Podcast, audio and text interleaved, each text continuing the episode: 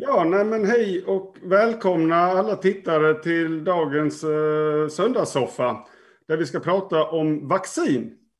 Och eh, med mig har jag Anders Wadne och eh, Cecilia Naukler, båda experter inom eh, immunsystem och vir virus. Så välkomna hit. Tack. Och eh, ja, sen har vi också en hemlig gäst, men, men han är så hemlig så att han inte syns. han, han, får komma eh, nästa gång istället. Eh, men jag tänkte börja lite, jag kollade, googlade lite idag på morgonen om eh, celler och virus. Så en cell, vad jag förstod det, är runt 10 mikrometer eh, stor.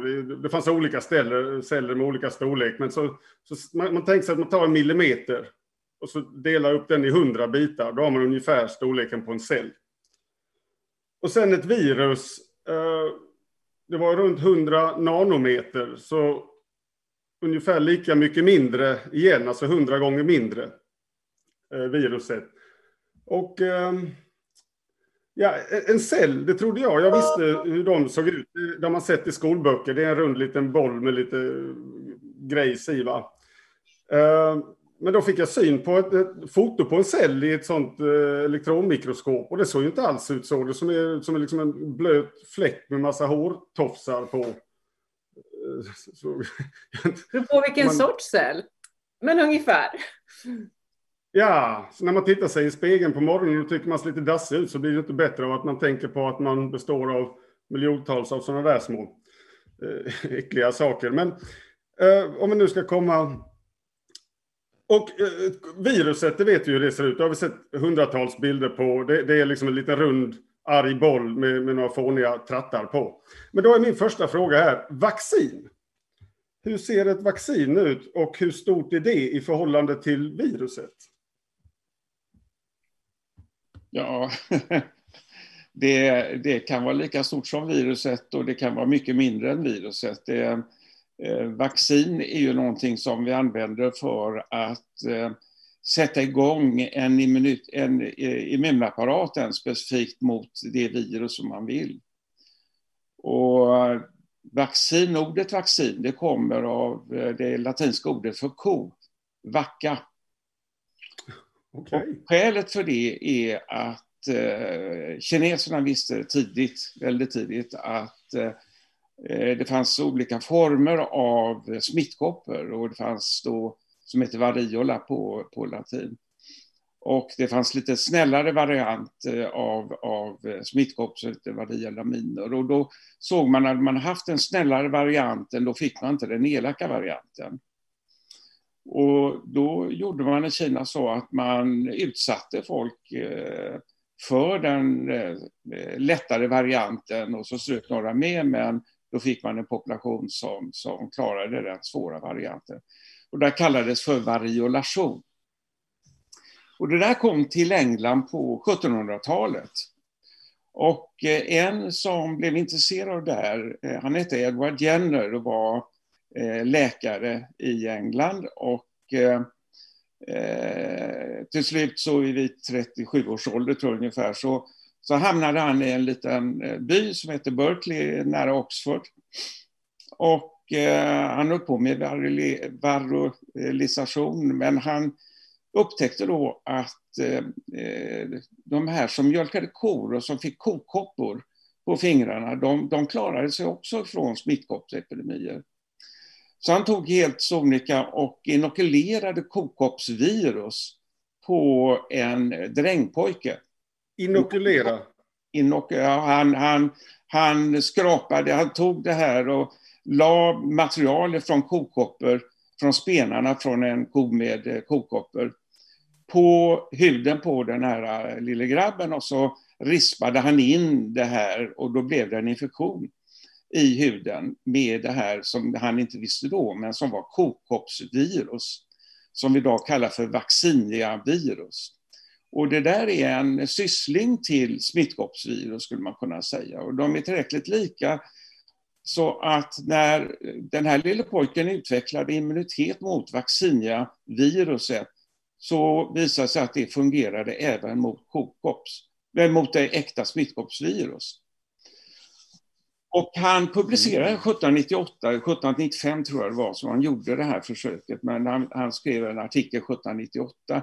Den togs inte så jätteväl emot, men året därpå så hade han ju gjort det här med 20-talet eh, till personer. Och de klarade sig alla. Och då eh, föddes tanken på att eh, man faktiskt kunde få en immunitet utan att få sjukdomen, nämligen genom att vaccinera. Och vaccinera kom då ord av, av ordet eh, vaccinia, virus, eller virus känner man inte till på den tiden. Eh, men av just kokoppsmaterialet, av, av det latinska ordet för ko, eh, vacka. Så det var det första vaccinet okay. som vi känner. Ja, och relaterat till din fråga där från början, det som Anders säger, de kan ju vara lika stora eller mindre. Eh, och eh, idag så använder man ju hela viruspartiklar och då ska de vara i försvagad form eller helt avdödade. Och då är de ju förstås lika stora som viruspartikeln. Men sen kan man också använda vad vi säger eh, subenhet, subunit vaccines, alltså man tar kanske bara ett protein och så sätter man in det i en annan virusvektor och så stimulerar man ett immunförsvar. Och ibland så kan man behöva ha, vad vi säger, ett adjuvans, någonting extra som behöver sparka igång immunförsvaret för att man ska få ett bra immunologiskt svar och därmed ett bra skydd. Sen kan de här baseras lite mer moderna eh, teknologier där man bara tar eh, mRNA, alltså eh, genetisk kod, eh, DNA, eh, och man packar in dem på olika sätt i olika vektorer eller i, i små partiklar, nanopartiklar eller liposomala eh, partiklar och sen försöker då att använda dem på olika sätt att sparka igång immunförsvaret mot olika delar av ett virus som är viktig oftast då för att eh, viruset ska ta sig in i en cell. Vi pratar om neutraliser neutraliserande antikroppar till exempel. De binder oftast till ställen där viruset då använder sig som en nyckel i låset kan man säga för att ta, in, eh, ta sig in i en cell. Och där binder då antikropparna mot den här nyckeln kan man säga och hindrar nyckeln att hamna i låset. Ja, just det. Så Så vaccinet skyddar liksom inte direkt mot viruset utan vaccinet sparkar igång ett immunsystem som vi har i kroppen som sen skyddar oss mot, uh, mot viruset. Um, men jag tänkte, då tar vi första frågan. Det är från eh, Katarina Söderlund. Hur fungerar vaccinet? frågar hon. Minskar sannolikheten att överhuvudtaget insjukna eller är det bara så att risken att bli sjuk fortfarande är lika stor men vaccinet gör att sjukdomen blir väldigt mild? Eller är det någon slags kombination här av båda? Ja, det är en kombination. Eh, det beror på den eh, som blir smittad och vilket vaccin den har blivit vaccinerad med och hur väl vaccinet har tagits. Och även med ett och samma vaccin så kan det variera. Väldigt få vacciner, om något, ger vad vi kallar för en steriliserande immunitet, det vill säga att man inte blir smittad. Men de flesta fall eh, när ett vaccin fungerar som det ska, då blir man kanske lätt smittad, men man blir inte sjuk.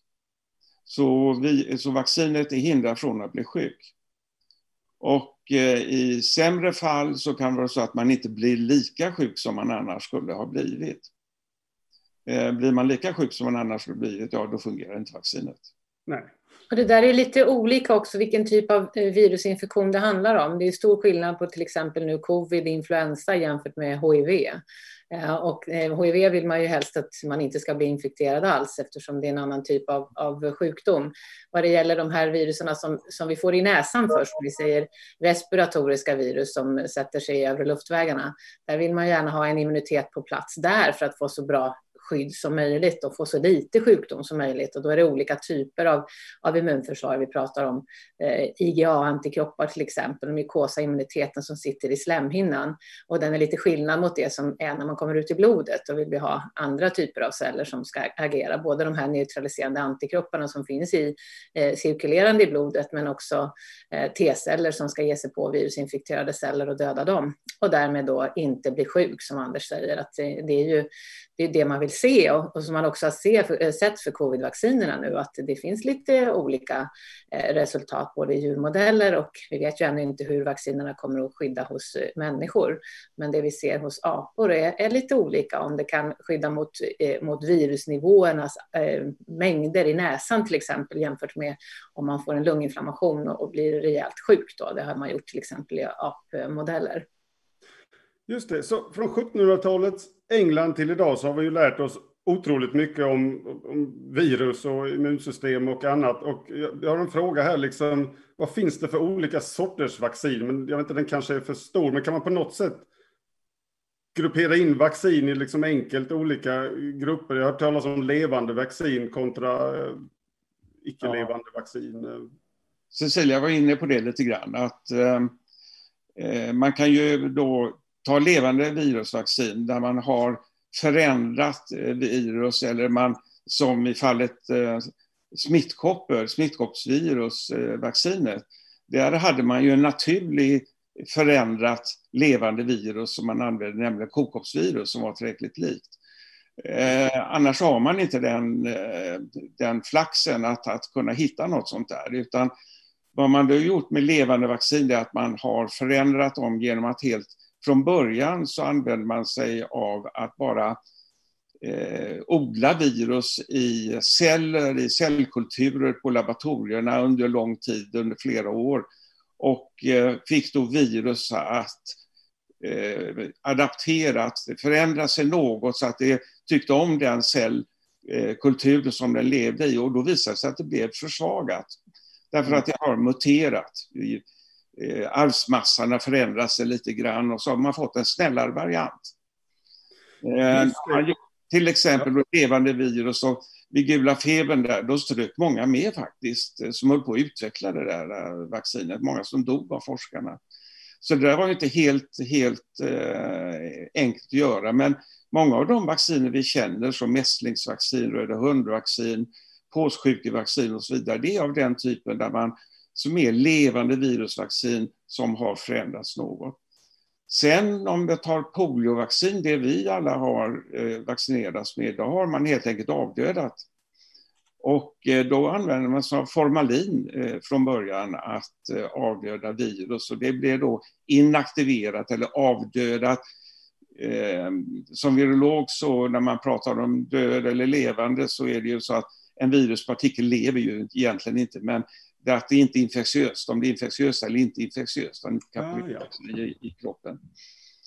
Eh, och där fanns det faktiskt från poliovaccin från början både ett levande och ett avdödat vaccin. Och där gäller det att se till att avdöda det ordentligt. Och det första vaccin, poliovaccinet som var avdödat, det var, eh, han hette Jonas Salk som tog fram det där. Och eh, det var inte tillräckligt avdödat för han såg inte att, att eh, det var inte en rak kurva ner där man Eh, avdödad, så han, han räknar fel.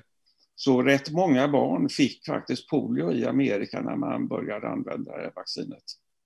Ja, och det, det, det, kommer vi till senare bland frågorna här, eh, risker nu när... Så det, så det är det, hela virusvaccinet. Sen så...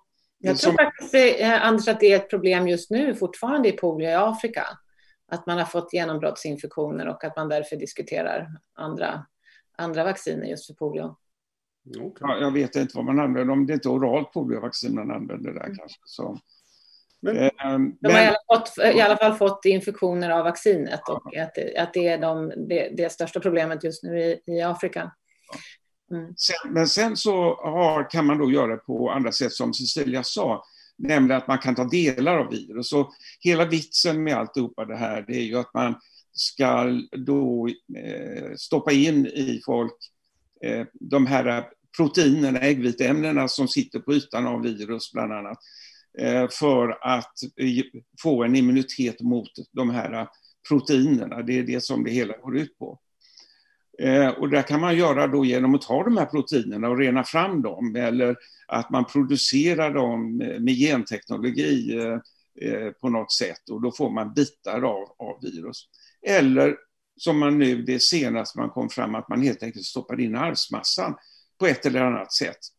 Eh, så att vår kropp, den, cellerna, det tas upp av våra celler, den här arvsmassan, och då börjar kroppen producera vaccinet om man så vill, nämligen proteinerna som man vill ha immunitet mot. Mycket uh, intressant. Mm, och då kan man ju också fråga sig varför det blir så svårt ibland. Vi kan ju till exempel ta det virus som jag har jobbat väldigt eh, mycket och länge med som heter cytomegalovirus, CMV.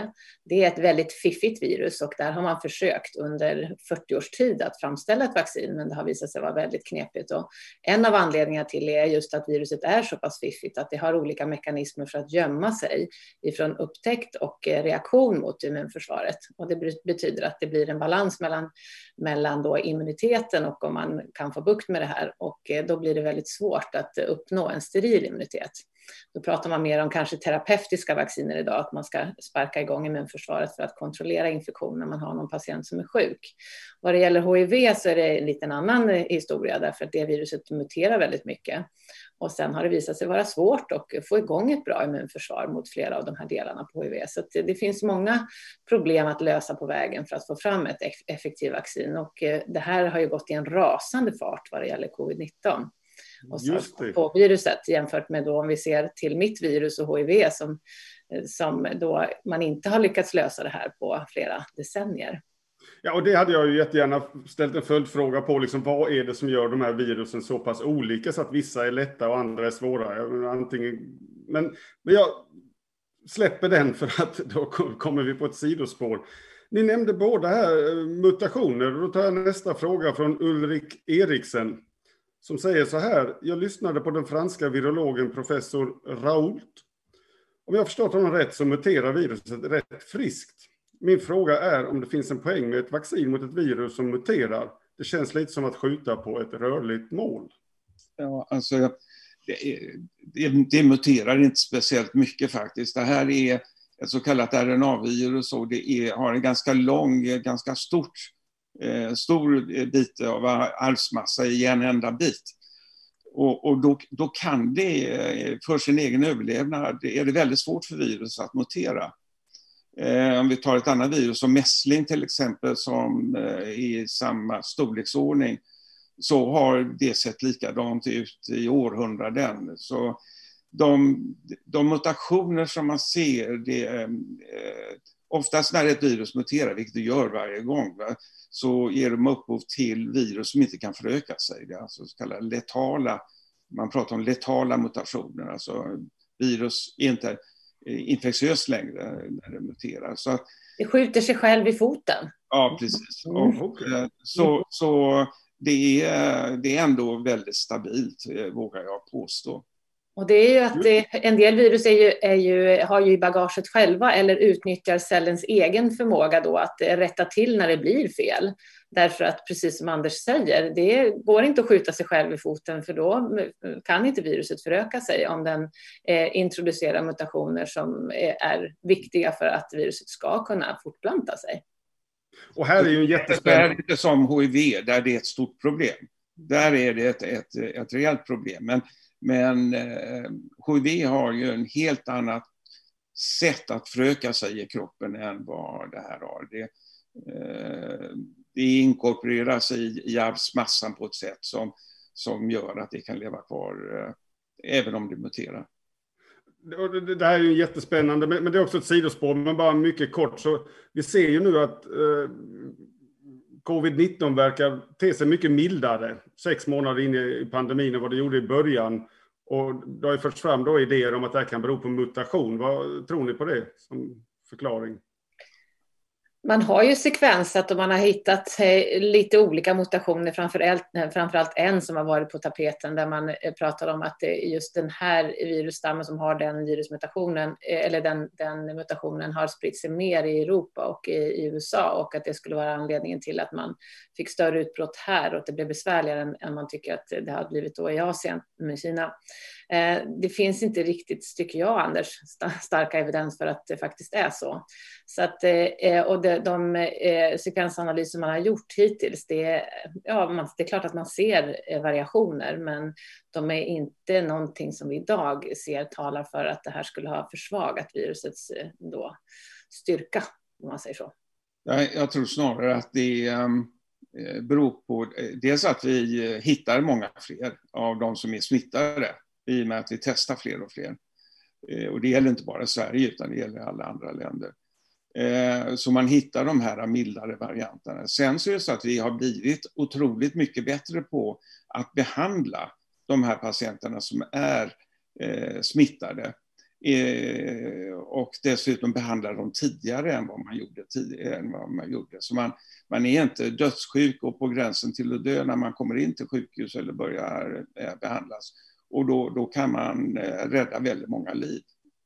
Och dessutom så håller vi ju de mest sköra tämligen isolerade både i vårt land och eh, och kanske ganska bra här. Men i alla länder är ju, är ju förstås på tårna med att försöka hålla undan den äldre befolkningen som är de som framförallt hamnar på sjukhus och som, eh, som, som skulle behöva intensivvård. I vårt land har man ju inte fått tillgång till det om man har varit gammal. Men eh, i Italien fick man ju det till exempel och då kraschar ju det sjukvårdssystemet där och då. Så att mm. eh, det är ju den mest sköra gruppen vi behöver hålla undan från smitta här nu och det är kanske de då som är mest intressanta i första vändan med att kunna vaccinera för att de ska kunna komma ur sin isolering eh, även när viruset cirkulerar runt i, i samhället. Och det är ju en knepig historia eftersom äldre personer har inte samma svar på vaccinationer. Deras immunförsvar är lite uttröttat och eh, där ser man sämre effekter om man bara vacciner generellt. Och det blir ju knepigt här eftersom det är de som vi vill skydda allra mest. Ja. Ska vi ändå komma ihåg att detta eh, är ett virus som även går på yngre personer och kan eh, ge väldigt svår sjukdom och till och med döda eh, yngre personer. Så att, eh, det varit lite mycket tal, tycker jag, i Sverige om, om de här. Det är klart, i, i volymtal så har det varit de äldre och sköra individerna som har råkat sämst ut. Men eh, eh vi har haft så, eh, vi ska komma ihåg att det här, här drabbar unga människor också. Ja, och de har drabbats hårdast i den akuta sjukdomsformen när man behöver sjukhusvård. Men det är ju faktiskt så här att det är en stor grupp idag som är långtidssjuka ifrån covid-19 och där vi inte riktigt vet vad det står för. Eh, Novus gjorde en undersökning i juni. Då rapporterade 260 000 svenskar symptom över tio veckor. Nu har den, eh, den siffran i en, eh, re, eh, eller en ny enkät visat sig vara ungefär 150 000. Och jag har själv följt de här Facebookgrupperna till exempel när eh, många patienter både beskriver sina symptom och har med tillförsikt sett på att en del av de där har vänt vid fyra, fem månader, men det är fortfarande väldigt många som är, är sjuka. Och det skulle faktiskt kunna förklara den här siffran 260 000 till 150 000. Men eh, när man har uppskattat det här, framförallt utomlands, så har man trott att ungefär 10 procent av de som drabbas av, av covid-19 får den här typen av långtidssymptom. Och där innefattas det ju eh, oklara eh, symptombilder om det handlar om organskador. Vi vet att eh, även de med mild sjukdom och till och med asymptomatisk sjukdom har fått skador på lungor, hjärta, eh, nervsystem och njurar. Och då vet vi inte hur mycket det förekommer i den här gruppen som har långtidssymptom. Så att det är ju inte bara de som är akut sjuka, utan precis som Anders säger, det är en yngre kategori och det är ju den här yngre kategorin som, som vi har väldigt många av de långtidssjuka idag. Och det är ju mm. för att det kanske har drabbat äldre på ett annat sätt och att eh, det har tagit kår på en hel del tyvärr och eh, de har inte klarat infektionen medan det har gett en annan symptombild hos, hos de här yngre personerna som både barn och vuxna inte kommer på fötter efter många, många månader. Och vi vet ju liksom inte hur deras framtid ser ut. Vi vet inte riktigt vad det är för fel på dem. Vi vet inte hur vi ska behandla dem eller rehabilitera dem på bästa sätt. Så att eh, jag har ju efterlyst att man måste tillsätta resurser för att eh, få den här gruppen studerad. De här måste få tillgång till vård och forskning eh, och rehabilitering på ett sätt där vi lär oss förstå vad handlar det här om. För det är en enormt stor patientgrupp och den kostar just nu samhället enorma summor pengar. Ja, mm. ja en... Och för individen är det ju katastrof. En fruktansvärd tragedi för mm. många. Mm. Um, och den hade vi ju hoppats att vi skulle slippa då, då, om vi kunde hålla smittan nere och om vi hade ett vaccin som skulle kunna bromsa upp det här mm, bättre. Mm. Och då tar vi nästa fråga på vaccin eh, på temat hur länge? Och den här är jättespännande. Alexandra Aki Nylander. WHOs Hans Kluge, det här är många frågor igen, men jag läser upp den så får ni svara på det ni vill. WHOs Hans Kluge sa, vi vet inte ens om vaccinet kommer att hjälpa alla befolkningsgrupper. Vi har några, vi har några tecken nu att det kommer att hjälpa för en grupp och inte för andra. Och så hennes fråga då. Vilka grupper är det han avser och vilka, vilken grupp kommer möjligen inte bli hjälpt i större utsträckning av vaccinet och varför? Vilka möjliga behandlingsalternativ finns för dessa grupper? Ehm, och nu kanske den mest intressanta här, eller ja, utifrån vårt nuvarande kunskapsläge, hur länge kommer effekten av vaccinationen att hålla i sig? Veckor, månader eller år? Tänk om vi visste det. Tyvärr är det så här att ehm, eh, det man väldigt gärna vill ha det är antikroppar mot eh, det här, det här delen av virus som eh, spretar ut. Det som, Nyckeln i låset. Ja, just det. Och eh, eh, speciellt en liten del där. Tyvärr är eh, det här eh, nyckeln, om man så vill, det här som spretar ut, det ser ut, det är uppbyggt på ungefär samma sätt som HIVs eh, eh, antenn. Som man också mm. vill då ha antikroppar mot, men som förändras hela tiden. Men Eh, det visar sig att äggviteämnen som ser ut på just det här sättet, som, för det sitter en massa sockerstrukturer på också, de, de antikropparna är inte långlivade. De eh, är, sitter kvar en fyra, fem, sex månader kanske, något sånt där. Och det oavsett om, så ser ett äggviteämne ut på, eller ett protein ut på just det här sättet, så är det väldigt, väldigt svårt att, att eh, få långlivade antikroppar. Exakt varför vet vi inte. Och då får man försöka göra, hitta någon, eh, något sätt att göra det här på som, som lurar kroppen och få längre antikroppar. Det, och det där är inte lätt. Så eh, förmodligen, som det ser ut just nu i varje fall, så kanske man får lov att, vaccinera en gång i halvåret eller något sånt där, va? om man ska ha ett, ett bestående skydd ska komma ihåg att det där har vi haft, det, det gamla kolervaccinet vi hade, det fick man vaccinera sig en gång i halvåret för att ha ett bestående skydd. Så, så det går ju, det är ju ingen eh, men det är enorma resurser som skulle krävas i så fall för en hel befolkning. Så det, eh, det, där är ju bekymmersamt som du säger. Och det är ju därför också som vi vaccinerar varje år mot influensa. Dels därför att antikroppar och immunförsvaret inte håller sig så starkt så länge. Men också för att vi har lite olika stammar som eh, cirkulerar och man vill matcha in det med det som, ska, det som komma skall. Och eh, där har man ju, kollar man ju olika delar av världen vilka stammar som cirkulerar och så försöker man stoppa in de här i influensavaccinerna så att man får en bra match mot, mot det som är på väg in eh, i eh, olika delar av världen.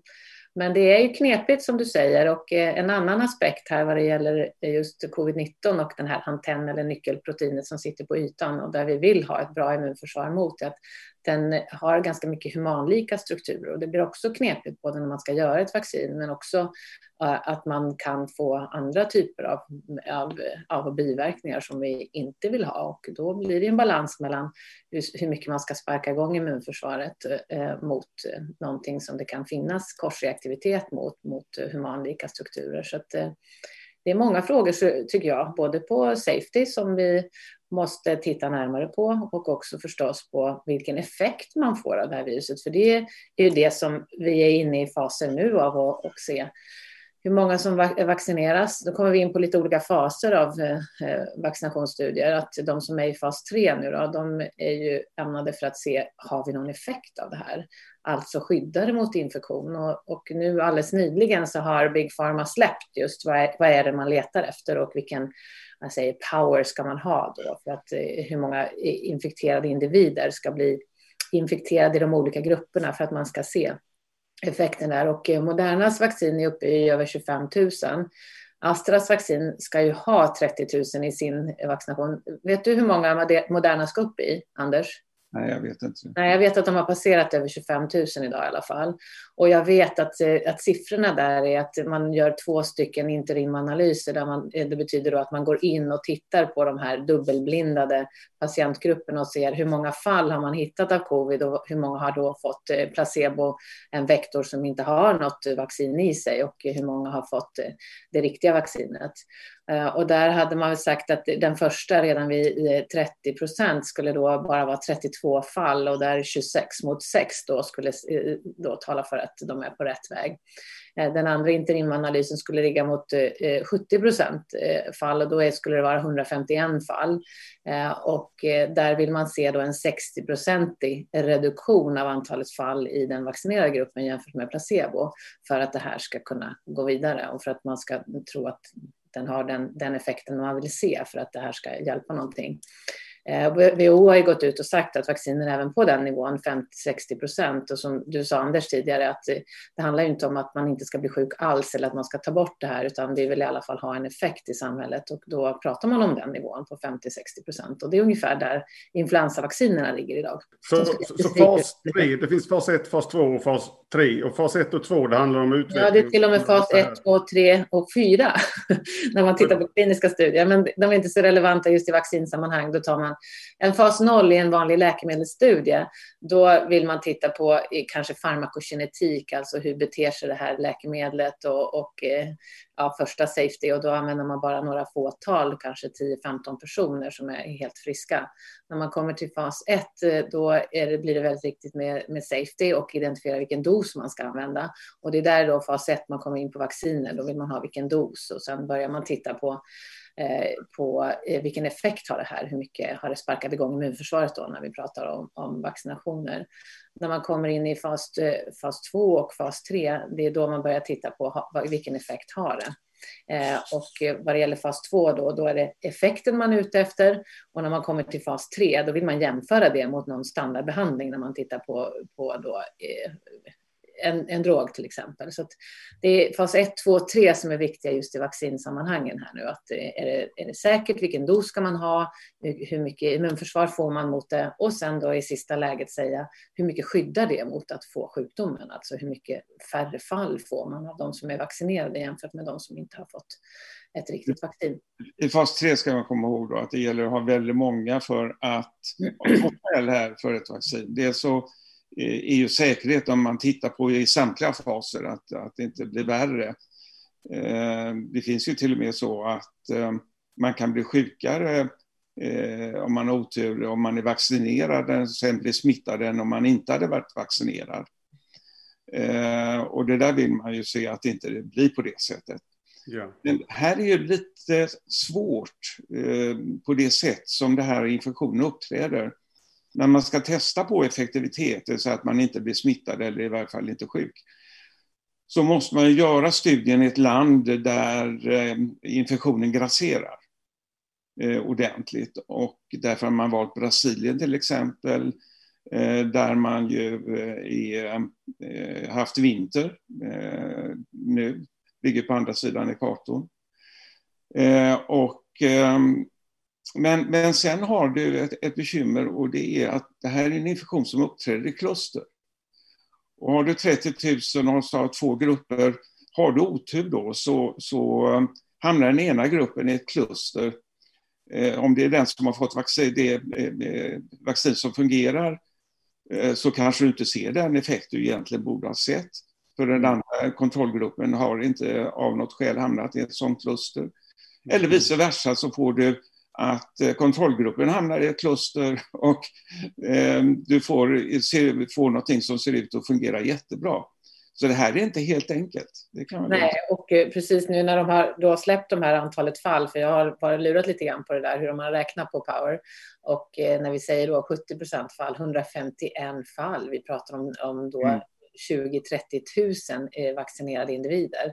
Eh, och hamnar de här 150 fallen i fel kluster som du säger Anders, ja då kan man missa en effekt som, ja. som kanske existerar. Så att, eh, och det är klart att eh, på den nivån, när vi då pratar om 50-60 procentigt skydd, ja, det, man måste vaccinera väldigt många för att kunna se den. Och det är då också vi förväntar oss att se förstås att eh, problem med eh, biverkningar ska bli synliga. Och nu kom det ju förra veckan Astras vaccin där det var en patient som har, eller en försöksperson som har utvecklat något som heter transversell myelit. Så att eh, de har inte sett en, en, en, inflammation i nervsystemet kan man säga och det är precis den typen av, av biverkningar som man är lite bekymrad över förstås. Och ja. därför var ju den här då viktiga att man tittar närmare på. Då stoppade man ju vaccinet i hela världen och sen har man dragit igång bara en knapp vecka senare i Europa i alla fall. Jag vet inte om det är Brasilien, men man har fortfarande inte sagt ja i USA. Eh, så att den är fortfarande on hold i, i, USA och eh, man har inte släppt detaljer kring vad var det här för patient och vad hände det, utan det är ungefär det som i alla fall jag vet och, och känner till att eh, det är en patient som har fått en allvarlig nervinflammation och det är inte ens, jag vet inte ens om, om det var en patient som har fått aktiv, eh, aktiv substans, alltså fått vaccinet. Inte ens den informationen har man ju släppt. Så att, eh, men det är klart att det är ett observandum, för det är precis det som man är orolig för att se. Och då drar man ju sig till minnes förstås det som hände med svininfluensavaccinet och narkolepsi som över 400 barn fick i Sverige. Ja. Det, vi kommer till det när vi ska prata om riskerna, men apropå det här med olika faser och eh, AstraZenecas vaccin, ett annat vaccin som har hamnat i nyheterna är det här ryska vaccinet som kom liksom från ingenstans. Och eh, jag har inte riktigt själv förstått, jag läste någonstans att de hade hoppat över fas 3 helt och hållet. Alltså, vad, vad är det här för vaccin? Hur tillförlitligt är det och hur, hur fick de fram det så snabbt? Ja, det, det, alltså det är, det är en, ganska, en beprövad metod som man har och där använder man, man har stoppat in en bit av eh, av proteinet. I, i eh, just det här nyckelproteinet. Arvsmassan för det i ett annat virus som heter adenovirus som, som är ett, eh, i det här fallet ett virus som ger infektion hos människor som vi där det här är adeno 5 som ger en, eh, en lindrig infektion. Och så har de tagit ett, ett annat adenovirus som heter 26. Och skälet till att man har två olika, man är tvungen att göra två olika vaccin eh, i två olika vektorer som man då kallar det, det här viruset. Det blir då en vektor för, för den här lilla arvsmassan. Och själv man måste ha två, det är att efter första immuniseringen med, med eh, adeno 5-vektorn så bildar man ju en immunitet mot adeno 5. Och för att då få take på eh, andra sprutan som man får så får man ha ett annat virus, eh, i det här adeno 26. Eh, eh, så, och även Astras vaccin är ett, en adenovirusvektor eh, baserat vaccin. Men där har man använt ett adenovirus från schimpans som vi då inte bör ha någon immunitet emot. Men eh, det blir ju då lite svårare när man kommer med andra sprutan därför att eh, då kan man ju ha en immunitet som, som gör det lite sämre, att det tar lite sämre andra gången. Så på ett sätt så är det lite fiffigare det de gjort i, i Ryssland än vad, eh, än vad AstraZenecas vaccin är, vilket är då eh, forskare i Oxford som har utvecklat det. Men på svar på din fråga och just vad du säger, vad, vad är det de gör? Har de plockat, hoppat över fas 3? Ja, vi har inte sett några fas 3-data överhuvudtaget. Det finns ju inga i världen just nu. Utan vad man har gjort då är den här fas 2 när man tittar på effekten, alltså att har det gett ett immunförsvar? Och det har man ju sett i 100 procent av de här vaccinerade individerna så fick man antikroppssvar och man fick även T-cellsvar och det är ett eh, fåtal procent av T-cellerna som är reaktiva mot det här och det är ungefär precis det vi förväntar oss. Så att den ser ju ut som om det borde vara ett vaccin som skulle kunna ge skydd. Men vi har inte sett några data på eh, en fas 3-studie där man har, har haft det ute i populationen och där man kan se skillnader då mellan de som är vaccinerade eller icke vaccinerade av det vi pratade om innan. Alltså att man behöver se då en kanske 60 procentig reduktion av antalet fall i en vaccinerad population jämfört med en ovaccinerad för att det här ska, man ska tycka att det här duger. Så att eh, det vi läser i tidningarna, jag har ingen annan information, det är ju att man har godkänt vaccinet på de här data och det har jag aldrig hört talas om förut, att man skulle ha godkänt varken ett vaccin eller läkemedel utan en fas 3-studie. Det beror på att det är lite mitt återigen. Jag läste också en tidning nu att man eh, att man påbörjar fas 3-studier med det i Ryssland. Mm. Men man har ju godkänt det vad vi förstår utifrån media. Eh, och då, ja. inte BIMs godkännande på något vänster tror jag.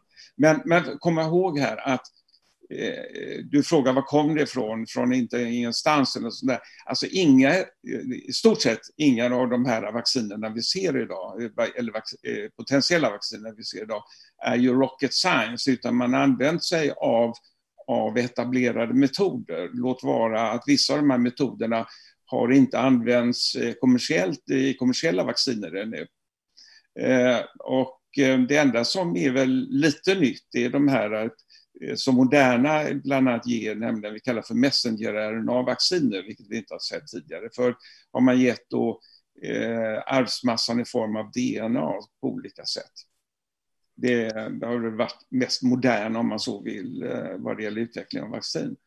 Jag såg, eh, bara en parentes, en, en, rolig video från en vän i Colombia som skickade mig. Du vet, de har såna här mariachis. Det är såna med stora hattar som sjunger serenader. Och så injicerade de då det här ryska vaccinet och så slutade det med att de spelade liksom rysk techno istället. Ja, lite fånigt. Men, ja. men eh, det som vi pratar med... Ja, eh, Anders, det som du tar upp här nu med de här olika vaccinerna, det, det man gjorde i Ryssland, man hade adeno-5-vektorn och, och eh, 26-sektorn, precis det här att man ska få ett svar. Det ger ju också lite funderingar förstås av det här om man ska behöva vaccinera folk eh, väldigt ofta. Att om man inducerar ett immunologiskt svar mot den vektor som man har använt så kommer man inte kunna använda den upprepade gånger var, sex, var sjätte månad. Så att, det är en komplex, tycker jag, situation och många problem att lösa för att se var vi hamnar på sikt med, med den här sjukdomen. Med de här, moderna, med de här moderna vaccinerna så är det faktiskt så att, att man pratar om något som heter prime boost, att man går först med arvsmassevaccin och sen så kommer man tillbaka med ett mer konventionellt typ av vaccin, det vill säga avdödat eh, virus eller proteinvaccin eller något sånt där. Alltså, så i och för sig så har man kommit första gången med ett adenovaccin eller två gånger sådär, så, så eh, kanske... Ett levande avdödat, försvagat eller något. Ja, något, med något helt annat. Eh,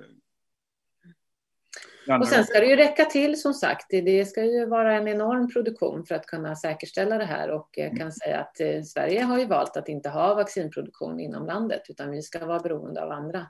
Och eh, det skulle jag se ett, eh, är knepigt på sikt om man skulle ha den strategin att inte man är självförsörjande på vacciner inom ett land. Ja, det kan vi prata om med Jens Sörensen. Men eh, en sak här, bara innan vi släpper Alexandra Nylanders fråga. För hon hade en annan tråd som var intressant och det var att det här hjälper inte alla befolkningsgrupper kanske. Och där, ni var inne på innan att det kanske funkar annorlunda på äldre personer än unga. Men vi har ju också sett att, att det slår olika mot olika befolkningsgrupper. Man tittar till exempel på Sydafrika. Man trodde det skulle bli en jättestark epidemiutveckling där och så kom den av sig och i andra länder så, så det, det, verkar, det verkar slå väldigt olika det här viruset. Och kan det då vara så på något sätt att, att liksom det, även vaccinet eh, funkar olika på olika eh, länder så att säga? Eh, det här är förstås ingenting som vi vet, men om man kan säga att det är lite, lite annorlunda på när man får en infektion av hur immunförsvaret funkar och eh, där vi pratar om HLA-typer, alltså genetiska eh, bestämda molekyler som varierar olika i olika befolkningsgrupper. Och där skulle man kunna tänka sig att vissa har reagerat på ett sätt och de har, de har kanske en korsreaktivitet innan som är bättre därför att de har just de här HLA-typerna som kan presentera små delar av, av vaccinet för immunförsvaret och de har fått ett starkare immunförsvar. Eh, och det är under infektionen som pågår. Det behöver inte betyda att det blir så när man vaccinerar. Det skulle kunna vara så, men det är inte säkert. Så eh, det, det, det, kan vara så att eh, individer i olika befolkningsgrupper har olika svar och det är därför som man behöver testa både vacciner och eh, ja, framförallt vacciner i, i olika delar av världen, olika befolkningspopulationer. Och vi har ju sett till exempel att, eh, att eh, svarta amerikaner, eh, även eh, latinamerikanska amerika, eh, amerikaner har haft sämre prognos än, än den vita befolkningen i USA. Ja, det kan ju bero på många saker. Man bor mer, mer tättbefolkat, man har haft större risk för sjukdom, men det ser också ut som att man har haft större dödsrisk, att man har blivit svårare sjuk. Det kan också ha att göra med att man har sämre socioekonomiska förhållanden och att man har en, en mycket riskfaktorer att många har sämre hälsa från början. Så det, det, finns, mm. det är återigen också mycket komplext att det är många faktorer att ta hänsyn till. Men det finns tankar kring att det faktiskt kan vara olika i olika delar av världen. Asien klarar sig väldigt bra just nu jämfört med USA, Europa. Eh, och eh, delvis kanske därför att man har en tradition, alltifrån munskydd och att man var på tårna väldigt tidigt genom att fånga in och eh, gjorde kontaktspårning och isolerade karantänsatte folk. Eh, och, och det, det, kanske är en av förklaringarna, men det kanske ligger även då befolkningsolikheter vad det gäller hur immunförsvaret fungerar, också till grund till det som man har sett. Eh, så att det, det behövs mycket mer forskning på att kunna reda ut det. Och du har ju redan svarat på frågan själv, just i den äldre Eh, befolkningsgruppen och sen har vi ju personer med riskfaktorer. Eh, eh, Eh, Tony, Fauci han eh, kommenterade ganska nyligen och sa att det är inte bara de äldre utan man ser att, att även yngre med riskfaktorer, alltså övervikt till exempel, högt blodtryck, hjärt-kärlsjukdomar, att det är en så, stor, eh, så pass stor andel i USA som 30-40 procent. Så det är definitivt inte bara den äldre populationen i amerikanska mått mätt som har hög risk för att få allvarlig sjukdom. Eh, och då är det frågan, svarar de lika bra på, på vaccinationer? Det vet vi ju inte, utan de vaccinationsstudier som man har gjort tidigare i de här fas 1 och fas 2, de har ju framför allt eh, haft mera unga, starka, friska utan så mycket riskfaktorer för att man törs inte se på dem av olika skäl. Och det har varit upp till 49 år, är de flesta studier säger under 50 år. Och nu har man kommit in då på mer riskgrupper. Då får man se hur mycket de här svarar immunologiskt och också då, som jag sa innan, att det, det kan vara lite skillnader på immunförsvarets funktioner eh, i olika befolkningsgrupper just på grund av den här HLA-kopplingen. Okay. Det var ju också den som gjorde eh, kopplingen till narkolepsi. Mm. Just det, och då kommer vi naturligt över på det här risker med vaccin. Eh, och det är många frågor där. Vi tar Britta Värme. Hur ska man tänka som förälder på riskerna med vaccinet? Mitt förtroende skadades i samband med svininfluensapandemin och Socialstyrelsen agerande. Hur ser ni på ansvarstagandet, eller bristen på den, för det som hände för de 500 barn som skadades och fick narkolepsi det kanske, jag vet inte om vi ska diskutera det, men kan ja, man... Ja, det kan vi gott göra, för det är faktiskt väldigt viktigt i det här sammanhanget. Jag var själv väldigt kritisk mot det där vaccinet eh, då och ingen i min familj fick ta det här vaccinet. Och varför var jag det? Jo, av två skäl. Jag såg inte att epidemin hade den, den starka så att säga, spridning och eh, dödsrisk som, som jag tycker för, eh, föranleder att man ska massvaccinera en befolkning med ett vaccin som var inte väl beprövat man hade satt in ett vad vi kallar då adjuvans. Man ville få igång ett bra minnessvar på T-celler och då satte man in skvalen bland annat plus ett annat ämne. Eh, och eh, det hade då till avsikt att man skulle sparka igång immunförsvaret bättre och att man skulle få ett längre och bättre skydd, ett bättre minne i immunförsvaret kan man säga. Eh, från att man skulle få den här infektionen igen. Eh, och det var ju sex eh, miljoner människor i Sverige som fick åtminstone en dos vaccin.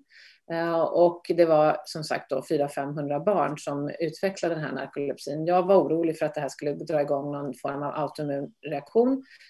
och det fick jag ju tyvärr rätt i då. Jag hade aldrig kunnat tro att narkolepsi skulle vara den sjukdomen och vi visste inte ens att det var en autoimmun sjukdom då. Det blev vi varse om och alla de här barnen de hade en HLA då, fenotypen HLA-DR-fenotyp. Eh, eh, och den är inte helt ovanlig. Jag tror att den finns ungefär 20 procent av befolkningen. Men det var de här eh, stackars 400-500 barnen som fick narkolepsi. Och det var en koppling då, dels på den nivån, sen har man diskuterat om att det här kanske hade hög, hög halt av kärnantigener eh, och att det fanns andra olyckliga omständigheter. Men det är ju sånt som inte visar sig för man har gjort vaccination av väldigt många människor. Mm. Och det är klart att har man sett ett fall nu i Astra-vacciner på transfersell myelit, ja då skulle jag gärna vilja veta mer om var det så att det var en vaccinerad person som hade fått det där och eh, vad har man sett då? ja, vilken typ av, av inflammation var det här, hur allvarlig var den? Men inget av det där har man ju släppt. Men det är klart, har man sett den i en på 30 000, det är klart att vi vill se väldigt många innan man ska säga att man vågar massvaccinera allt ifrån barn till gamla. för den gången med svininfluensan var man lite bara, kan bara säga om det här med den här autoimmuniteten. Ehm, eh, I länder där man inte vaccinerat alls eh, och där eh, patienter fick just den här stammen av virus blev infekterad med det, där såg man också narkolepsi. Ja, det är riktigt och det har man också sett i tidigare epidemier.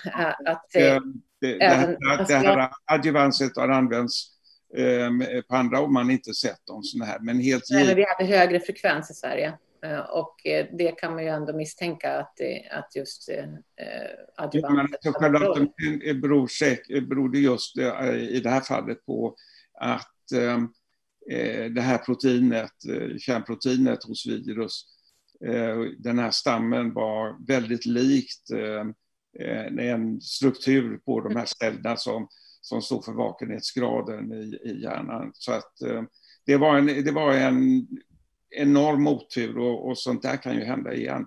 Och det är därför man gör sådana här stora, stora studier. Och som eh, Cecilia sa tidigare, att i fas 3 gör man 30 000, men sen gör man i fas 4 att man fortsätter det man kallar, när, när det har blivit godkänt så, så inrapporteras alla biverkningar. Så att man ser och eh, är på, är på tårna och ser, händer det någonting så... Just det, men, men här... Och det här, det här är oroliga för får jag bara säga att eh, det här pandemivaccinet, det, eh, nu, nu har man ju den H1N1-stammen, alltså den som orsakade svininfluensan, den finns ju i säsongsvaccinet nu. Och nu har vi ju inte sett den här eh, narkolepsi, utan vi, vi, såg ju det vid den pandemin som var där och då. Och som du säger Anders, även i naturlig infektion, och det har man ju sett även i tidigare influensaepidemier. Men har man reducerat bort kärnproteinet där? Ja, och sen tror man ju att man hade då det kärnproteinet, att, att man hade väldigt hög koncentration i det. Så det kan ju ha varit eh, olika, olika eh, olyckliga omständigheter. Och, mm. och vi tycker att det är viktigt att överhuvudtaget att man inte ska vara rädd mot vacciner. För att tänk vad mycket vacciner har gjort nytta för, för världen när vi pratar om smittkoppor, vi pratar om polio, vi pratar om mässling. Det har, har, eh, ska, eh, det har räddat så många liv och så många från svår sjukdom. Så det är viktigt att folk inte är rädda för vacciner generellt och eh, vi litar då, måste lita på myndigheter att, att man gör en korrekt bedömning och att man gör korrekta studier där man då letar efter sådana här saker. För det är ju ingen som vill orsaka någonting sånt, utan görs det på rätt sätt så utvecklar man säkra vacciner och då kan de bli tillgängliga för, för hela befolkningen. Just det, så meningarna går lite isär om huruvida man var lite snabb på avtryckaren där kanske angående svininfluensavaccineringen. Men, men det är det som då... Felet är att de inte visade sig så tidigt heller. Nej, okej. Okay. Så, det var mycket otur inblandat ja. där. Men ni är ju inne här på, det är många frågor på detta, så fas 4 det är när det här blir godkänt. Man börjar vaccinera folk och så kan man ändå då upptäcka eh, den ja, Man kan lära sig mer om, virus, eller mer om vaccinet eller om ett läkemedel till exempel. Att man mm. gör längre uppföljningsstudier och, och, det innefattar ju kanske lära sig nya mekanismer. Det innefattar att lära sig nya, eh, alltså hur ett, ett, läkemedel eller ett vaccin funkar då i förhållande till immunförsvar eller skydd mot en sjukdom. Eh, och också då biverksrapporteringar förstås. Är det någonting som kommer upp när man har använt det här under längre tid eller i, i något annat sammanhang, befolkningsgrupp eller vad det kan vara. Så att man följer det här väldigt noga. Och, eh, jag läste för inte så länge sedan att, eh, att man ska ändra eh, lag, eh, göra en lagändring nu inför eh, för den här säsongen av vaccinationsregistren i Sverige. Eh, om man försöker få in det så att det ska gälla till första januari. Och det handlar om att man ska få ännu bättre koll på alla som har fått och vilken dos de har fått och vilken sort de har fått och allting sånt. Och det har man inte idag på det sättet, men det försöker man få till till första januari. Och det är ju jättebra förstås, därför att då får man ju ännu bättre koll på, är det någonting som, som man kan hitta eh, när de, de när, jag säger inte om, för jag tror att det, det handlar om när de här vaccinationerna kan komma igång det kommer ju bli flera stycken tror jag som blir ändå godkända och eh, när man börjar vaccinera med dem så är det väldigt viktigt att man följer upp det. Så det är ett gott tillskott till den övervakningsmöjligheten.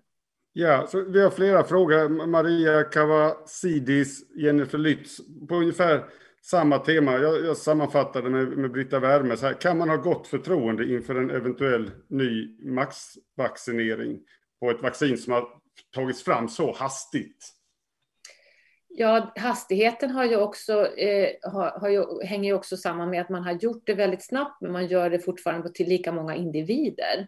Så att mm. när man inte tullar på safety eller vad man ska komma upp i för, för säkerhetsaspekter, eh, alternativt eh, effekter av vaccinet, har man gjort det enligt konstens alla regler, då får vi ju lita på att det är en bra strategi. Om man tullar på det och säger att man godkänner en fas 2-studie eh, som, som eh, att det här nu är godkänt, om det nu är sant att man har gjort det i Ryssland, då tycker inte jag att det är lämpligt. Och man hade också sagt i USA att, att ja, man kanske skulle, eh, skulle godkänna på interimanalyser. Eh, och det vill man ju ha för att det skulle vara klart innan, innan presidentvalet och det verkar helt absurt.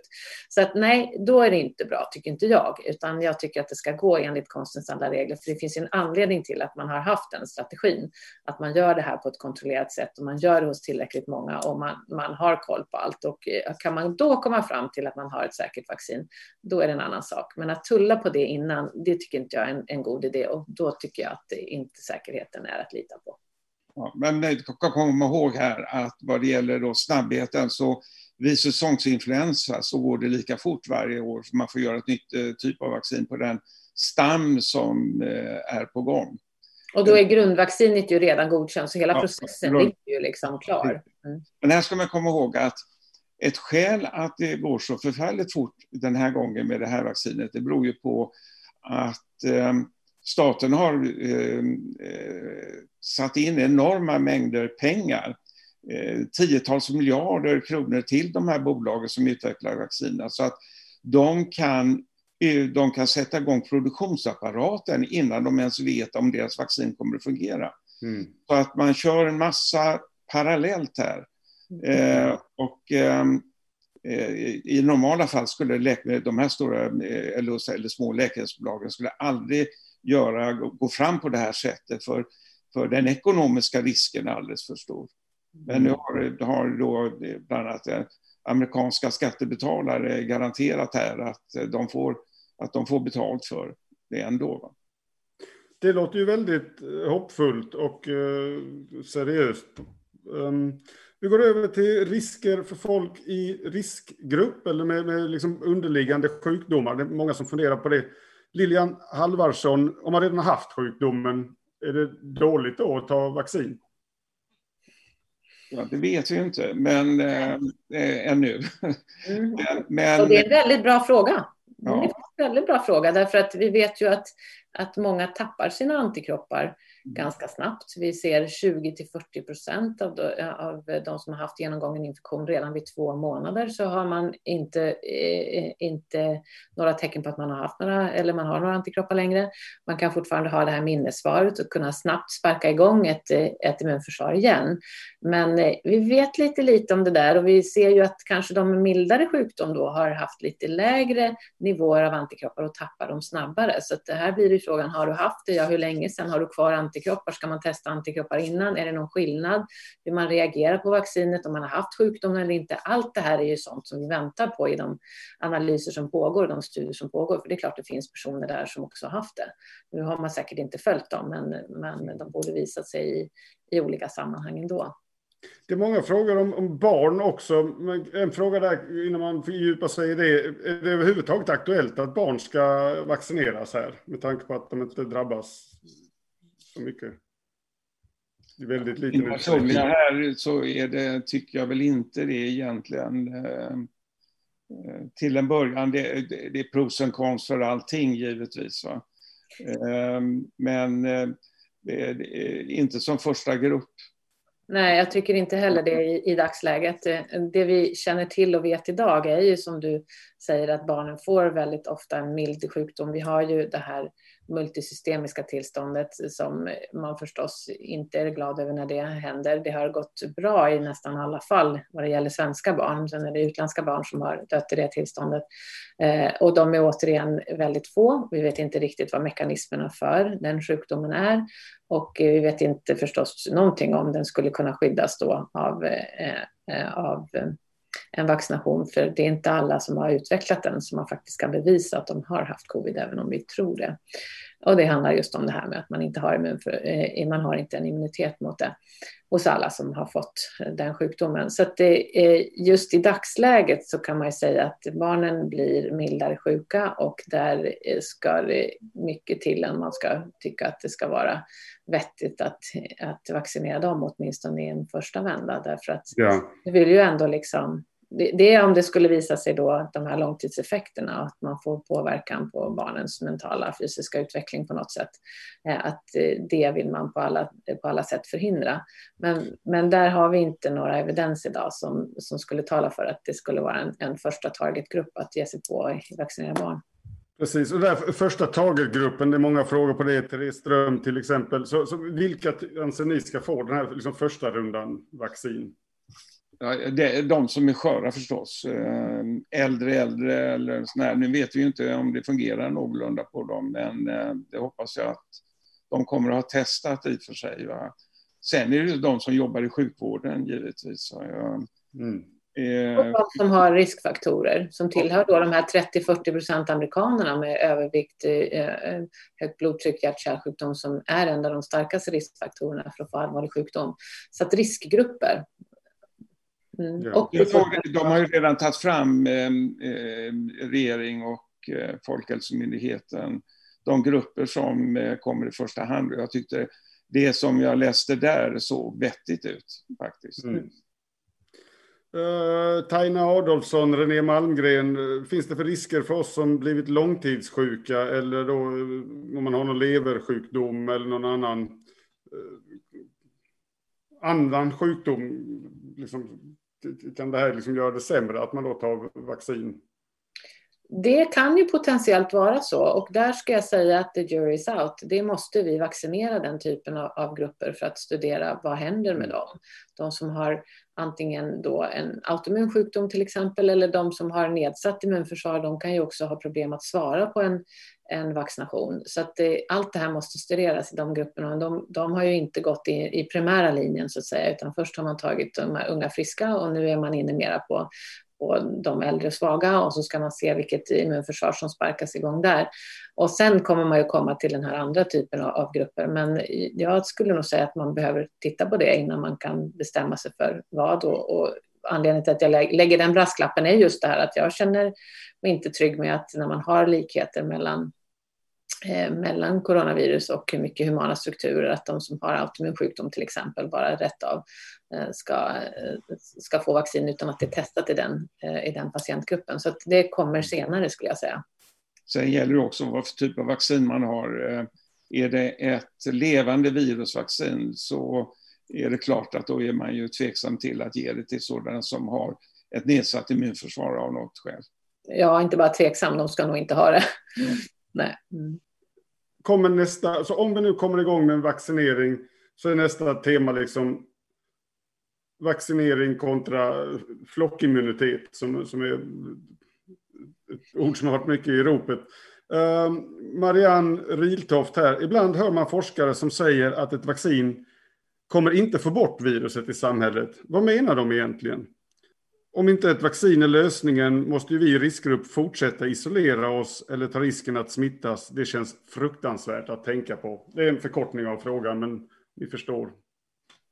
Ja, alltså det är ju så här att även om det inte försvinner helt så blir det ju eh, mycket mindre av smittan i samhället och risken att bli smittad minskar ju. Jag menar, vi vet ju idag att eh, för ett virus som mässling där det krävs kanske att 90 procent är, är, eh, är, immuna för att vi ska ha en flockimmunitet så finns det ju ändå så att eh, det kommer ibland eh, blossar upp en, eh, en infektion, då framför allt i, i eh, sådana som tar med sig smittan som inte är, som inte är vaccinerade och tar med den eh, utomlands ifrån in i landet, eh, förmodligen det sättet kommer. Och och hamnar i grupper där man inte är vaccinerade av olika skäl.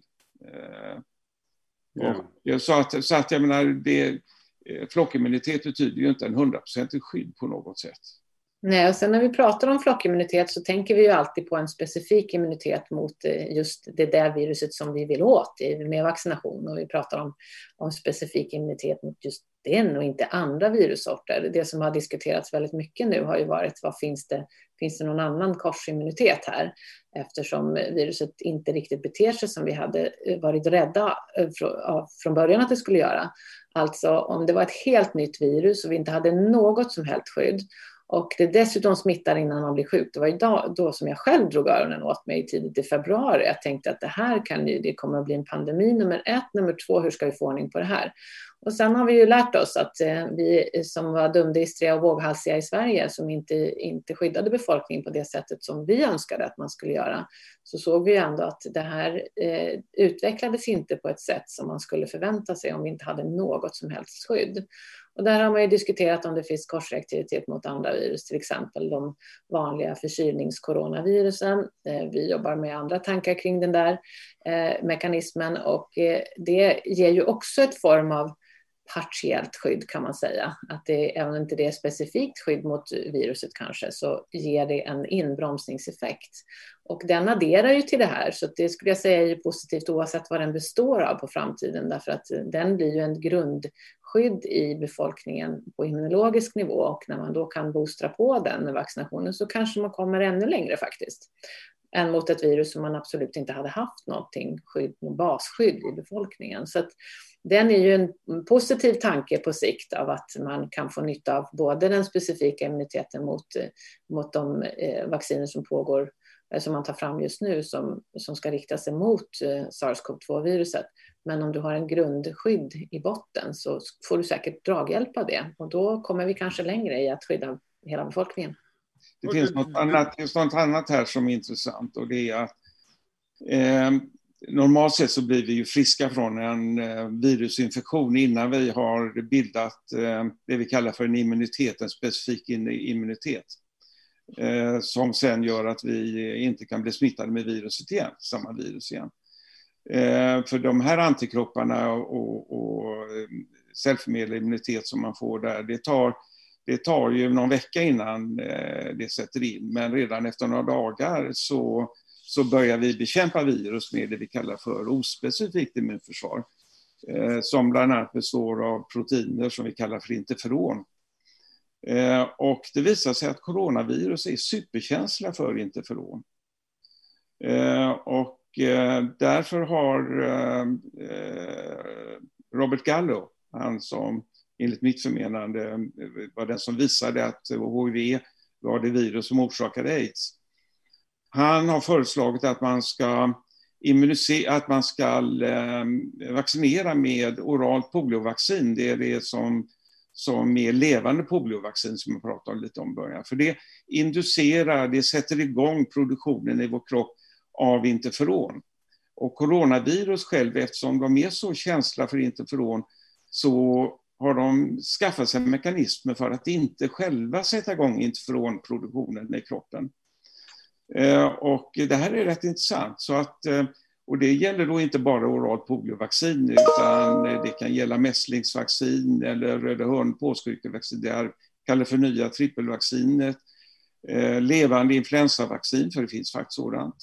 Eh, gula febern är ju lite farligt att ta för äldre människor, men annars så det finns en del sådana här levande virusvaccin som då sparkar igång interferonsvaret, det vet vi att det gör. Och Eh, I den mån att man testar nu med levande virusvacciner som är specifika för, för eh, eh covid så eh, vet jag inte riktigt hur man ska kunna skilja det specifika immunförsvaret mot det så ospecifika immunförsvaret som man åstadkommer. Nej, och det där är väldigt intressant som du säger och där kan man också ha funderingar kring barngruppen.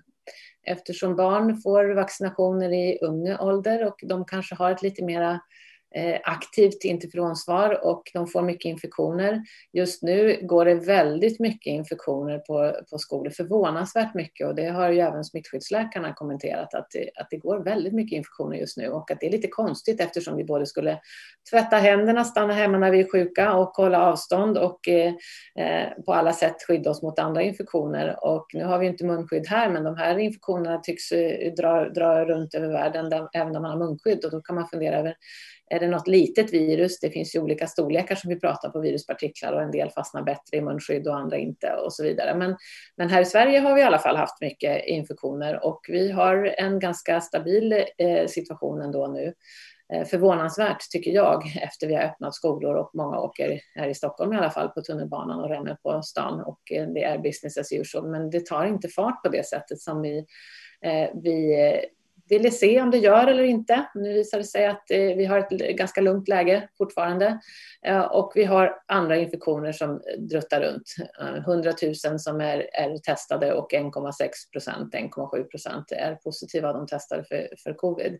Så att det är möjligt att det har en draghjälp där också. Att när vi har igång av andra infektioner så kanske vi får skydd och framförallt barnen då som både har infektioner och har vaccinerat med de här vaccinerna i närtid kanske har lite bättre svar.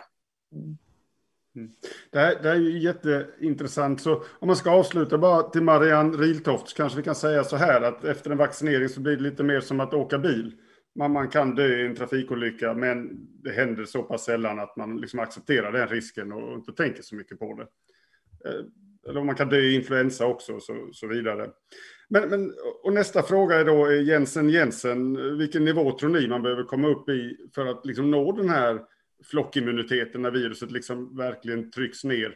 Um, och den kan vi, baserat på det ni sa nyss, eh, interferonskydd eh, uh, och eventuell korsreaktivitet och sådär, det är väl egentligen för tidigt att spekulera i hur många ja, man behöver vaccinera. Spekuleringarna kommer ju från beräkningar och modelleringar som man har gjort och det gjorde man ju tidigt och de handlar ju om vilket R-tal man har det här, att hur många smittar en person till nya personer och där har man ju eh, satt den siffran för, för sars-cov-2-viruset till någonstans mellan 2,3 till 3,0, alltså att en person skulle smitta två, tre andra personer. Jag tror personligen att det där inte är en riktig siffra. Jag tror att det kanske är mer smittsamt i, i Eh, hos, hos vissa personer, de här som vi kallar superspreaders och att de, de står för en stor andel av, av driften av hela epidemin. Man såg till exempel i Wuhan, eh, när man går tillbaka till data där, att 14 procent av de eh, fall som man, eh, man identifierade hade smittat vidare till 80 procent av totala antalet fall. Och det är där vi har sagt kanske 15-20 procent är de som driver hela epidemin och varför är det så? Ja, då tror jag att de är kanske ännu mer smittsamma än, än vad det är. Och eh, de här siffrorna ligger till grund för att göra just det som du frågade om. Eh, att beräkna hur många ska man komma upp till innan det här lugnar ner sig, alltså när man får effekten av herd immunity, flockimmunitet. Och för sars-cov-2-viruset då så har man sagt att det är någonstans mellan 50, 60, 70 procent. Eh, nu ser vi ju att det har bromsat in även i situationer som man har kunnat karaktärisera väldigt, eh, väldigt väl, till exempel Princess Diamond-båten. Där var det många gamla människor ombord. Eh, det var 3700 passagerare och det slutade på, tror jag, 799 passagerare som, som blev infekterade, som var exponerade i samma ventilationssystem och de kom inte från båten. Ändå blev de inte eh, smittade till större utsträckning och där har man pratat om siffror på kanske 15-20 procent när det ser ut att lugna ner sig. Och jag kan inte se att det skulle kunna ske om det inte finns den här korsimmuniteten som jag pratade lite grann om tidigare. Så det beror på vad den här siffran gäller och det beror på hur viruset smittar och det beror på vad vi har för annan hjälp när vi pratar om hur många som måste ha skydd innan det här lugnar ner sig. Kort paus här. Hej gubben! För jag, jag tror vi är färdiga om tio minuter. Är det okej? Okay? Allt bra? Ja, men inte nu. Om tio minuter så är jag färdig, jag lovar. Eller 15. Uh, eh, yes, uh, avslutningsvis här. Uh, ja. En fråga från Tobias Petersson, där, där han har en länk till någon Name-artikel där han, de pratar om att munskydd kan liksom vaccinera och jag tror idén där är att om man går runt med munskydd så exponeras man för virus med väldigt små doser och då, då, bygger man liksom upp ett immunförsvar utan att bli riktigt sjuk. Om jag har förstått det hela rätt. Kan det ligga något i detta? Ja, det var en artikel, New England Journal of Medicine tror jag det var. Eh, ja. Där man eh, kallar för att variolation, eh, eh variolisation, som jag pratade tidigare här med, med det snällare smittkoppsvirus. Ehm, ja, jag tror det kan ligga någonting i det. Vi vet ju att dos eh, virus som man får i sig eh, har betydelse. Det, Eh, Eh, när man gör djurförsök så, så pratar man om letal dos 50, det vill säga hur mycket virus man ska ha och det gäller för i stort sett alla virus eh, i princip. Så, eh, att, att det skulle fungera som någon slags vaccination, det, det är väl eh, kanske att ta i, men att man blir mindre sjuk, det tror jag. Ja, mm. det som diskuteras i den där artikeln det är förstås bara teorier och som du säger Anders, vi har ju känt till under lång tid att det beror på hur mycket virus man får på sig, om eh, hur sjuk man blir eller om man kolar vippen av, av viruset. Och det har man även kunnat belägga i djurstudier, till exempel en ganska nyligen vad det gäller det här viruset av, eh, eller i en, i en annan form, eh, hamstrar som sitter i burar där man sätter munskydd mellan och så får man lägre dos så, så blir de inte eh, lika sjuka. Eh, det som är intressant som man kan notera från den här epidemin är till exempel så, eh, så har de ju ett exempel i den där som jag inte kände till och det är ett, ett cruise ship utanför var det Venezuela eller Argentina. I alla fall, där satte man på alla munskydd och då ökade andelen som var asymptomatiska eh, från det vi förväntar oss någonstans upp till 40 procent var det på Princess Diamond-båten. De anger i artikeln tror jag 20 procent, men den kom upp till 80 procent asymptomatiska som då blev infekterade på uppenbarligen lägre dos och som inte fick symptom. Eh, där anger man också en annan situation och det var det här slakteriet i Tyskland där, eh, där man hade eh, munskydd på alla och det var ett jätteutbrott. Och det visade sig att där var andelen asymptomatiska så hög som 95 procent. Eh, sen vet vi att asymptomatiska ofta producerar mycket virus och det får inte jag riktigt ihop själv eh, hur det skulle kunna vara. Eh, att man får en låg virusdos och ändå producerar mycket virus och inte blir sjuk av det. Så det där är mekanismer som i alla fall inte jag har lyckats begripa i huvudet. Eh, men det är väldigt intressant tycker jag att se att det, det, det här är ju några exempel då anekdotiska förstås, men som ändå eh, gör att man funderar över att ja, en lägre dos så blir man säkert inte sjuk och förhoppningsvis så får man ett eh, immunförsvar som kan ge åtminstone ett hyfsat grundskydd mot att bli sjuk igen. Äh, än så länge har vi inget vaccin och då finns det andra sätt man kan skydda sig på. Anders, du har varit inne på det här att man kan ta levande vaccin till exempel mot bältros för att dra igång interferonsvaret. I Österrike så vet jag de eh, vaccinerar flitigt mot eh, vanlig influensa. Eh, och, och sen har vi även det här med D-vitamin. Har man höga D-vitaminnivåer så verkar det ge ett skydd. Är det här bra idéer? Ska man gå vad, vad, tänker ni? Hur, hur, hur, kan privatpersoner liksom boosta sin egen resistens i väntan på ett vaccin? Ja, själv så har jag ju tagit det här trippelvaccinet eh, som nu är eh, ett vaccin mot mässling, påssjuka och röda hund. Eh, och så jag har tagit bältrosvaccinet. I min ålder så är det bra att ta ändå. Eh, vad det gäller den första trippen där har jag nog haft de där infektionerna när jag var liten. Så att eh, det är, jag tar det inte för eh, att slippa röda hund, utan jag tar det för att få en interfronproduktion. Mm. Eh, och eh, det tror jag faktiskt eh, ganska väl på. Vitamin D ehm, har man eh, har ju dels en allmän effekt på immunförsvaret. Och man har sett att för andra virusinfektioner att, att det verkar ha en, ha, en, ha en effekt.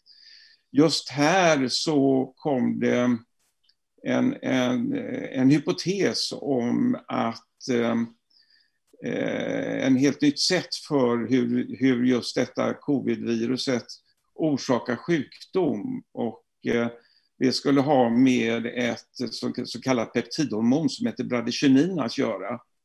Och eh, där skulle då en metabolit av, av vitamin D minska bradykinin-koncentrationen och eventuellt ja, för att försöka dra hela eh, teorin här och hela hypotesen om hur det här fungerar, det, då skulle vi behöva ett helt program till. Men, ja. eh, men att eventuellt så är det så, det skulle kunna vara så att eh, de som naturligt har lägre vitamin D eh, nivåer har setts bli något sjukare, till exempel i USA eh, där solen skiner ungefär lika mycket så är de som då inte producerar lika mycket vitamin D i solljus har eh, uppenbarligen blivit sjukare än, än andra grupper. Det såg man i inliggande patienter. Eh, sen har man faktiskt gjort randomiserade studier på det där också. Inte studier ska jag inte säga, men det kom en ganska nyligen. Där man har då gett eh, vitamin D till patienter som kommer in till sjukhus och de har samtidigt fått annan behandling. Så de har fått Eh, Eh, i det här eh, fallet eh, klorokinfosfat och acetromycin, så de har samma grundbehandling och sen har de fått D-vitamin eller inte och det var i dubbelblindprotokoll och då visade det sig att andelen av de som hade fått eller ja, som hade fått D-vitamin så var det bara 2% som hamnade på IVA. Medan de som inte hade fått D-vitamin i tillägg till den här grundbehandlingen så var det 50% som hamnade på IVA. Så det är ganska stora skillnader och eh, det bekräftar ju det som man har sett innan att man blir sjukare eller att vi har haft både fler sjuka patienter och också högre mortalitet, alltså dödstalen är högre hos de som har haft låga D-vitaminnivåer i blod. Så att det, det finns nog alla, alla anledning. Så att ja, vad gör vi själva? Ja, jag prackar på mig själv och eh, min familj D-vitaminer och även munskydd då. Mina barn har munskydd i skolan Eh, och det är inte för att jag tror att det är jättestor smitt, smittspridning nu, men det lite grann den här effekten som vi säger att ja, både man skyddar både andra om man skulle vara en smittbärare, men man får lägre virusnivåer på sig och det minskar risken för att man blir eh, svårare sjuk i Eh, i den här infektionen. Så det är väl vad man kan göra själv i dagsläget. Vi har våra egna knep som vi använder. Och influensavaccinering, vad, vad, vad, i Österrike? Ja, den, är, den har, finns det olika sätt att se på där. Att det, det, här har man ju tagit beslut i många länder att man vax, massvaccinerar mot influensa därför att man vill inte ha de här två samtidigt. Man vill inte ha två mm. epidemier samtidigt. Man vill verkligen försöka bromsa in. Jag själv har satt mig in en, hyfsat i den där frågan och är ganska förvånad över att vaccinationstäckningen hos de äldre är så pass låg som den är. I Sverige de senaste två åren så ligger den på 53 procent av de över 65 år som är influensavaccinerade och eh, det är klart att man skulle verkligen vilja veta hur många då som, av dem som är de som har blivit allvarligt sjuka, om de var influensavaccinerade eller inte. Eh, det finns andra intressanta aspekter i den där, men det man är ute efter från myndighetshåll är ju att man inte ska få de här eh, epidemierna samtidigt och att ja. det är beskrivet vissa patienter som har fått och har blivit väldigt svårt sjuka när de har fått både influensa och covid samtidigt och det skulle ju också belasta sjukvården eh, eh, om de här kommer igång i samtid. Så att det, det finns nog alla anledning till att, eh, att fler än de 53 procent av den äldre befolkningen faktiskt ska gå i, i år och få en, en, vaccination. Och sen är det frågan om det finns ett annat, en annan aspekt på det här, att det är fler än de som ska ha, men det kan vi återkomma till, den diskussionen. Men jag, jag vet inte nu heller om de i Österrike har levande influensavirusvaccin, eh, för då hade det definitivt varit ytterligare en då en... finns det en annan aspekt. Mm. Mm. mm. Vi, vi återkommer i ärendet, åtminstone jag måste ägna mig åt eh, lunch och eh, hockeyträning, inte för egen del då, men grabben.